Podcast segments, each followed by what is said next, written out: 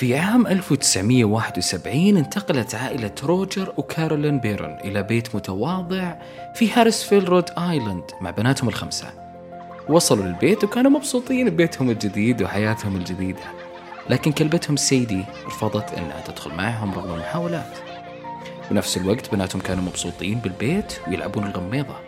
واحدة منهم ضيعت شوي واكتشفت مدخل للقبو. كان مغطى بخشب وعلمت أهلها عنه. في الكم ليلة الأولى صارت بعض الأحداث الغريبة واللي نقدر نقول عنها أحداث ما وراء الطبيعة. وكل ساعات البيت صارت توقف كل يوم على نفس الوقت وهو ثلاثة وسبع دقايق الفجر.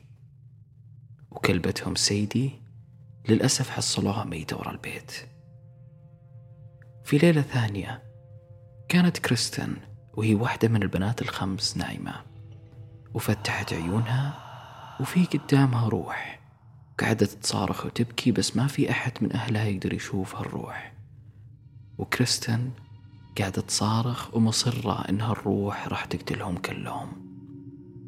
وفي ليلة ثانية بعد كارولين اللي هي أمهم تسمع صوت تصفيق في أسياب البيت بالليل وهي ترتب الملابس. وتقعد تلحقه. لحد ما دخلت للقبو وتقفل عليها. وبنفس الوقت أندريا وسندي طلعت لهم الروح مرة ثانية بغرفة نومهم وكلهم يقدرون يشوفونها هالمرة. هنا الأم وصلت لحدها وقررت تتصل على إيدي ولورين وارن المتخصصين في علوم الشياطين وما وراء الطبيعة واللي يمكن سمعتوا عنهم في تحقيق عن دمية ممسوسة اسمها أنابيل. طبعا الوارنز وافقوا يساعدونهم ويسوون تحقيق أولي للموضوع وبلغوا العائلة أن البيت فعلا مسكون لكن يحتاجون إذن من الكنيسة الكاثوليكية وأدلة أكثر يعرضونها عليهم قبل ما يقدرون يكملون بالموضوع. خلال تحقيقهم ادوا لورين يكتشفون إن البيت كان من الأساس ملك لساحرة اسمها بيث شيبا.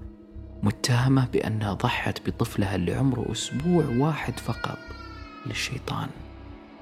وهالساحرة قتلت نفسها في عام 1863 بعد ما لعنت كل أحد بيعيش على أرضها.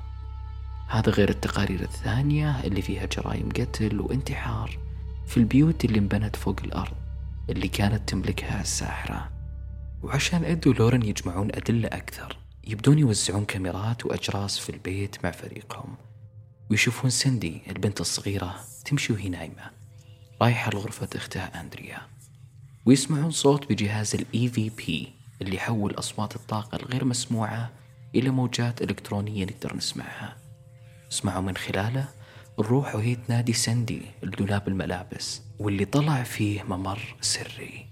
لورين بدون ما تفكر دخلت بالممر وتكسرت عليها ألواح الأرضية المتآكلة وطاحت في القبو.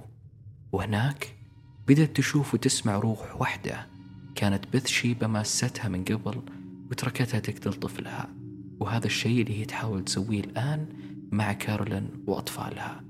طبعا قررت العائلة بعد هالموقف أنها تروح وتسكن في فندق على ما إيد ولورين ياخذون أدلتهم للكنيسة إلا إن كارولين اللي صارت ممسوسة من بيت شيبا أخذت أبريل وكريستين للبيت من جديد ودخلوا عليها إد ولورين في القبو وهي تحاول تقتل كريستين. وبعد ما ربطوها وفهموا الموضوع قرر إد ما ينتظر رد الكنيسة ولازم يستخرج روح بيت شيبا الآن. وخلال هالعملية بدأت بيت شيبا تهاجمه وتحاول إنها تحرر نفسها وتقتل ابريل لكن لورين قدرت تشتت انتباهها وتذكر كارولين بذكريات لها مع عائلتها. وقدر إد وقتها يكمل الاستخراج ويطرد روح بيت شيبا ولعنتها للأبد وينقذها العائلة. وبعد ما رجعوا الورنز لبيتهم وصلتهم رسالة موافقة من الكنيسة على طرد الروح اللي تسكن هالبيت وطبعا جات متأخرة. والحين إد ولورن مستعدين يروحون لمهمتهم الجاية في لونغ آيلاند. وبكذا ينتهي كابوس عائلة بيرن. لكن كلنا نعرف أنهم ما راح يتعافون نفسيا بعد هالأحداث.